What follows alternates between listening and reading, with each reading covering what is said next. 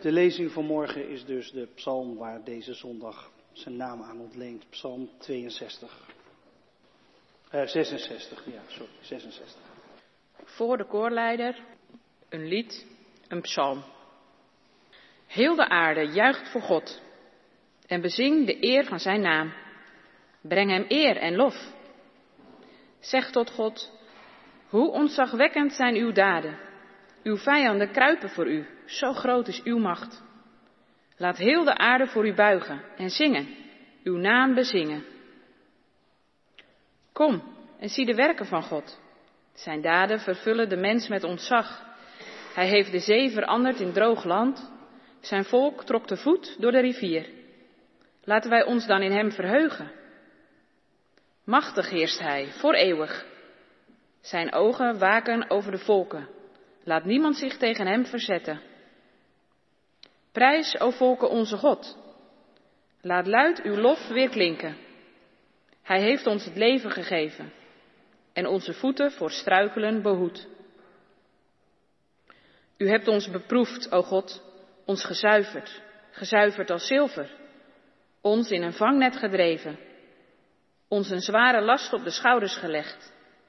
Strijdwagens zijn over ons heen gereden. Wij zijn door vuur en door water gegaan. Maar u bracht ons naar een land van overvloed. Ik zal met offers uw huis binnengaan en doen wat ik u beloofd heb. Wat mijn lippen hebben toegezegd, mijn mond in nood heeft gesproken. Vetgemeste schapen zal ik u aanbieden, een geurig offer van rammen. Ik zal stieren en bokken slachten.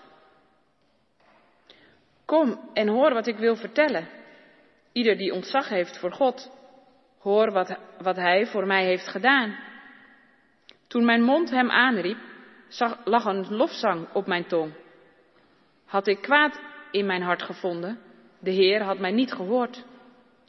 Maar God heeft mij gehoord. Hij heeft geluisterd naar mijn gebed. Geprezen zij God.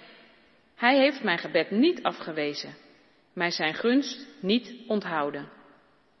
Dit is het woord van God. Gemeente van Christus, moeders en zusters. Jubilaten heet de zondag vandaag dus. Eh, juich, juich voor God, heel de aarde, zegt Psalm 66. En dat betekent dus dat het vandaag eh, juichzondag is. Ik weet niet of je daarvoor in de stemming bent om juichzondag mee te maken. Daar moet je natuurlijk reden over hebben. Je gaat niet zomaar uh, juichen. Uh, daarvoor moet je een halve finale bereiken of zo. Of uh, je maakt iets bevrijdends mee. Goede uitslag van een onderzoek of een mooi resultaat van een tentamen, dat soort dingen. Of je vroeg hem of haar en hij of zij zei ja. Dat kan je ook in een juichstemming brengen natuurlijk, zoiets. Dit lied gaat dus over juichen om dingen die God heeft gedaan. En het vraagt jou en u om in juichstemming te raken over God.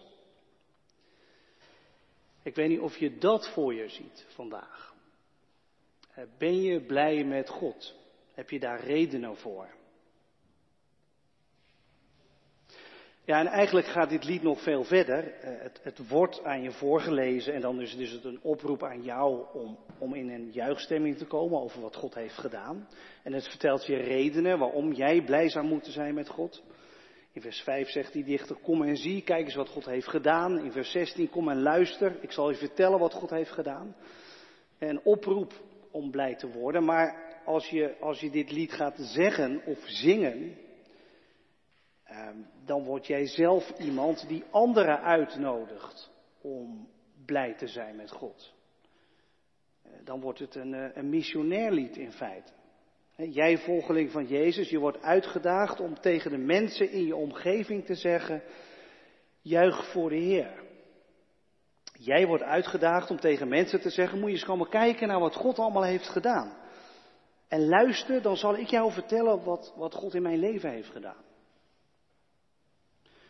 Dus niet alleen een oproep om zelf blij te zijn met God, maar ook een oproep om anderen op te roepen om blij te zijn met God.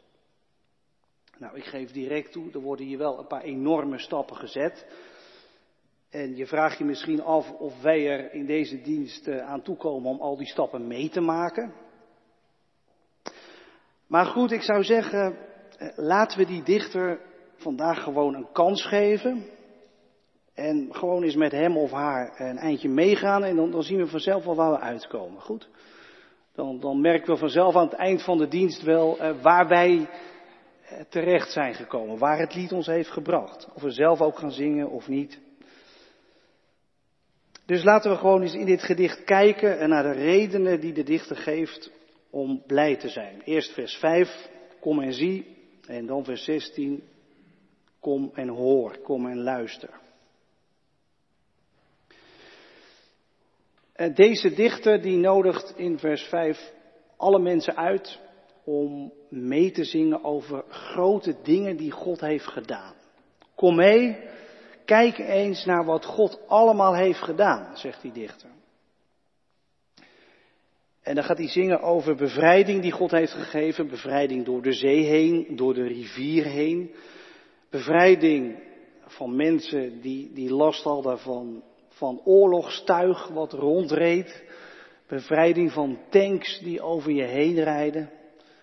Een bevrijding die je voert in een land van overvloed, omdat God de doorslag heeft. Alle mensen, alle machten die zijn goede bedoelingen tegenwerken, worden overwonnen. God overwinnaar van het kwaad. Kijk, de mensen van Israël die dit lied gingen zingen in de tempel, die konden bij dit lied denken aan de bevrijding ooit uit Egypte vandaan, door het water van de zee heen. Of aan het moment dat ze ooit het land van Gods toekomst binnengingen, door de rivier de Jordaan heen. Of ze konden denken aan de terugkeer uit de ballingschap, dat soort dingen. En wij, als wij het vandaag zingen, dan zouden we kunnen denken aan uh, eh, 5 mei, bevrijdingsdag. Bevrijding van God. Uh, dit, dit, dit is daar ook wel voor bedoeld, hè? Om, om zelf dus gelegenheden te bedenken waarbij je dit kunt zingen. Het is een lied in universele taal. En dat wordt nog veel duidelijker als je beseft dat de zee waar het over gaat, eh, en de rivier waar ze doorheen gingen, dat dat niet alleen maar een verwijzing is naar dingen in de geschiedenis, dat ze door de Rode Zee heen trokken, uit Egypte vandaan, door de Jordaan heen, het land Israël binnen. En kijk, dat, dat woord zee, het Hebreeuwse woord voor zee, Yam, en het woord voor rivier in het Hebreeuws, Nahar, dat zijn in, in de wereld waar dit oude Israël leefde ook namen van goden bij, bij de buurvolken, de Canaanieten, had je een god Yamu, Yam, en een god Nahar of Naharu. En dat, dat waren goden die, die stonden symbool voor de chaos, de kosmische chaosmachten. Dus dit lied zegt niet alleen dat ooit mensen uit Egypte zijn bevrijd door de zee heen. Dit lied zegt dat onder de vijanden die God overwonnen heeft, dat daar ook de chaosmachten bij zitten. De machten van, van de ondergang, van de dood, die destructie brengen. Chaosmachten. Die heeft God overwonnen, zegt dit lied. En dat is een thema wat je in het Oude Testament veel vaker vindt. God die heerst over de zee, heerst over de chaos. Dus in feite gaat dit lied over God die koning is. Over de hele wereld. Over alles. Over alle machten. Zelfs over de dood.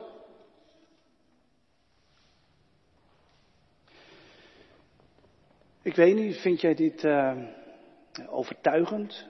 Dus, dus, die dichter zegt, uh, kom maar zie, moet je eens kijken wat God allemaal heeft gedaan. God heeft alle machten overwonnen. Um, zeg jij als je dat hoort of daar even over nadenkt, oké, dat is voor mij inderdaad een reden om blij te zijn met God. En, en eigenlijk wil ik dat aan anderen ook wel duidelijk maken. Moet je eens kijken naar wat God allemaal heeft gedaan en naar wat God doet.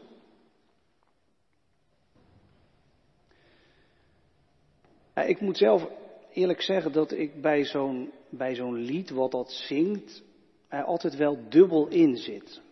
kijk, aan de ene kant, als je kijkt naar momenten in de geschiedenis, hè, zoals dat volk wat ooit aan die genocide ontsnapte bij de Rode Zee, en, en dansend op de overkant stond, hè, gered.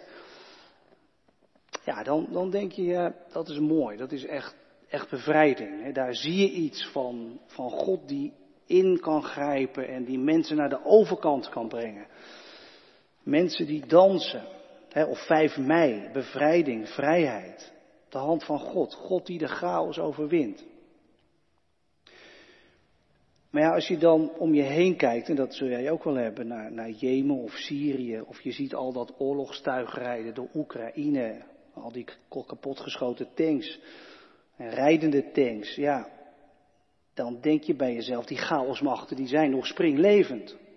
He, die, die zijn nog oppermachtig. Waar is nou dat koningschap van God? En waar blijft die bevrijding dan? En het zal mij niet verbazen als je uit je eigen leven ook voorbeelden kunt noemen van chaos. Die de kop opstak of opsteekt of nu de kop op heeft gestoken bij jou. En dat je denkt, waar is de bevrijding? Chaos van ziekte of angst of burn-out of mislukkingen.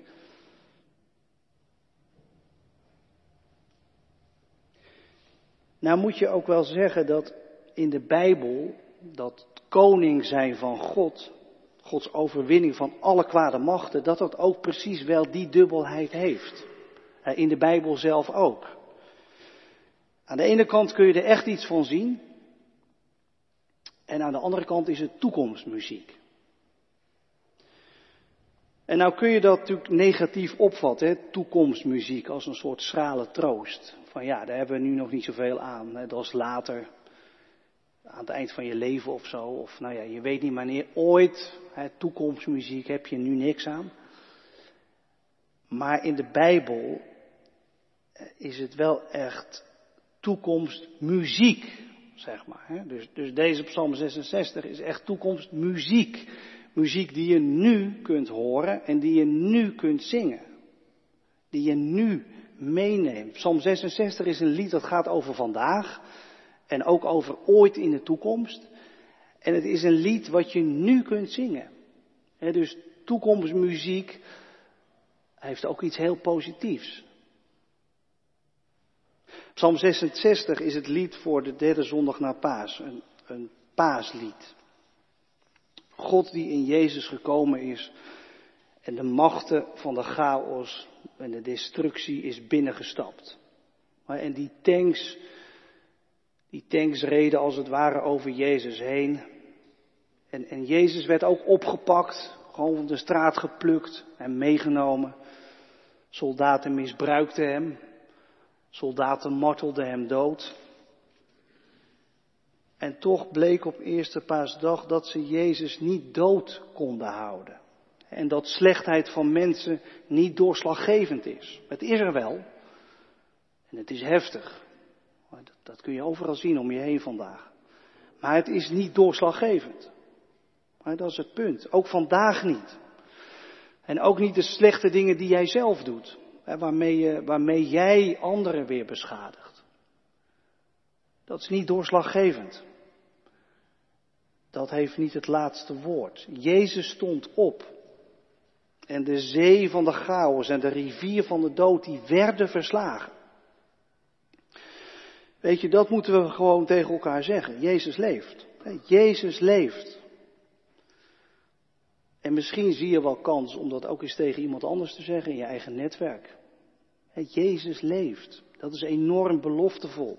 Je zult niet blijven steken in het kwaad dat jij doet. En jouw leven en, en het leven van de wereld zal niet in de greep van de chaos blijven. Jezus leeft. Jezus leeft. Kom mee, ik zal je iets laten zien van wat God doet. En misschien kun je dat komende week ook eens tegen iemand zeggen. Kom mee, ik zal je iets laten zien van wat God doet. Nee, ik zie ook wel dat het kwaad nog steeds de kop opsteekt en dat het aanstekelijk werkt. Maar moet je eens kijken naar Jezus. En stel je nou voor dat dat waar is. En dat Hij Gods weg is naar de overkant. Naar een nieuwe wereld die komt. Jezus leeft.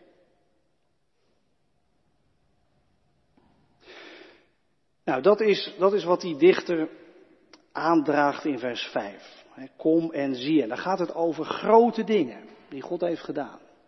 Ook wel een beetje in het algemeen misschien, in deze wereld, in de geschiedenis, in de wereld van vandaag. In vers 16 komt die dichter nog een keer naar je toe met kom en hoor. Na kom en zie komt kom en hoor. En dan zegt hij, kom moet je eens horen wat God voor mij gedaan heeft. En dan wordt hij heel persoonlijk. En als jij deze tekst van morgen in de mond neemt, dan zeg jij dat dus ook. Moet je eens horen wat God voor mij gedaan heeft. Ik weet niet, wat heeft God voor jou gedaan? Kun je iets bedenken? Is er iets in jouw leven waarvan je denkt, zegt, dat is nou echt iets, dat heeft God voor mij gedaan? Kun je aan iets groots denken of juist aan iets heel kleins? Waar denk jij aan?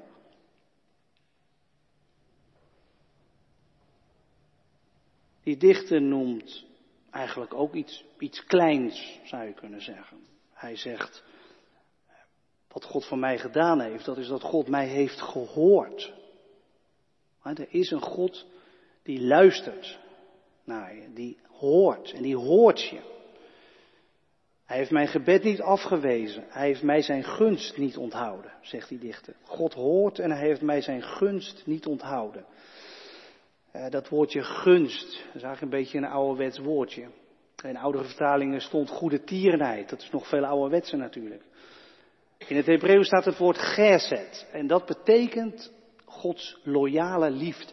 Gods trouwe, trouwe liefde. Daar gaat het hier over. Die dichter zegt, God heeft geluisterd en God heeft mij zijn loyale liefde niet onthouden. En weet je, daar ligt wel het geheim. Daar, daar ligt echt de basis. Bij die loyale liefde. God gaat zijn weg door de wereld. En God gaat zijn weg met ons leven. En van Gods weg hebben wij geen overzicht. En soms begrijpen we die weg niet. En God gaat soms heel diep met ons en met de wereld. Die dichters heeft het zelfs over God die een zware last oplegt. Maar, zegt die dichter, Gods weg gaat er doorheen. Die gaat met ons door water heen, door vuur heen, door dood heen, naar nieuw leven. Gods weg gaat er doorheen. En je kunt dus van die, van die weg van God cruciale passages zien oplichten in de geschiedenis. Hè, daar ging het over bij dat vers 5. Bevrijding van Gods mensen. Door de zee, door de rivier. Jezus die onze wereld is binnengestapt. En de overkant van de dood bereikte. De overkant van Gods nieuwe wereld. Je kunt cruciale passages van Gods weg zien oplichten. En en je kunt daar natuurlijk naar kijken en, en naar luisteren als een soort toeschouwer. Dat je achterover op je stoeltje zit en een beetje kijkt naar die bevrijding uit Egypte of zo, of naar Jezus die opstond uit de dood. En dat je er niet van in beweging komt, alsof het jou niet aangaat. Maar de wereld, hè, waar, waar die weg van God doorheen gaat, dat is wel de wereld van vandaag. Hè? Dat is deze wereld waarin wij leven. Gods, Gods pad gaat door deze wereld heen. Gods pad met jou. De wereld van klimaatcrisis en oorlog. En de wereld waarin je moeilijk een huis kunt vinden. En de wereld waarin je soms uit alle macht je hoofd boven water moet zien te houden. En, en waarin dat soms ook niet lukt. Waarin het niet meer lukt om, om het vol te houden, om alsmaar te presteren en jezelf te bewijzen en het niet lukt om het goed te doen volgens jouw maatstaven volgens de maatstaven van anderen. Dat je de grond verliest onder je voeten, die wereld. Weet je, die wereld, dat is de wereld waarin God zijn weg gaat. En de zee en de doodsrivier waar God doorheen trekt en waar Jezus tot op de bodem is gegaan, dat is jouw zee en, en jouw chaos. God gaat een weg met jou. Door deze wereld. Door de chaos heen. En God is een God die luistert. Die naar jou luistert. Die je niet afwijst. Als je roept en vraagt, dan luistert hij. En het antwoord wat hij geeft, dat is dus zijn gunst. Zijn loyale liefde. En weet je, dat is een liefde die sterk is. En taai en trouw en vasthoudend. De liefde van God, die heeft jou aangetroffen op jouw weg door het leven. En die liefde die vult je dagen en die verzacht je wonden. En die liefde die schijnt licht in jouw duister en die geeft lucht in jouw ademnood. Bodem onder je voeten. Die geeft rust in jouw onrust en vergeving in jouw falen en richting in jouw zoektocht en toekomst aan jouw leven. Is dat waar? Is dat waar voor jou, voor mij, voor u? Het is de waarheid van Jezus. Hij is de loyale liefde van God in jouw leven. En hij weet van falen, hij weet van ondergang. Hij weet hoe diep de dood is en de zee van chaos. Hij is er doorheen gegaan. En vandaag staat hij voor je met de littekens nog in zijn handen en met een gat in zijn zij. Hij staat voor je en hij kijkt jou aan. De opgestane Heer. Onze Heer. En hij grijpt jou vast. En hij laat je nooit meer los. Nooit meer. Dat mag je ook wel eens vertellen aan die bekende van jou. Je collega, je studiegenoot. Kom, hoor, ik wil je vertellen wat God voor mij heeft gedaan. God heeft mij gehoord. Hij heeft geluisterd toen ik aan het bidden was. Geprezen zij God. In Jezus is Hij mijn leven binnengekomen. En Hij heeft me zijn liefde niet onthouden. Wie is als Hij? De leeuw, maar ook het lam. Gezeten op de troon. Bergen buigen neer. De zee verheft haar stem voor de Allerhoogste Heer. Amen.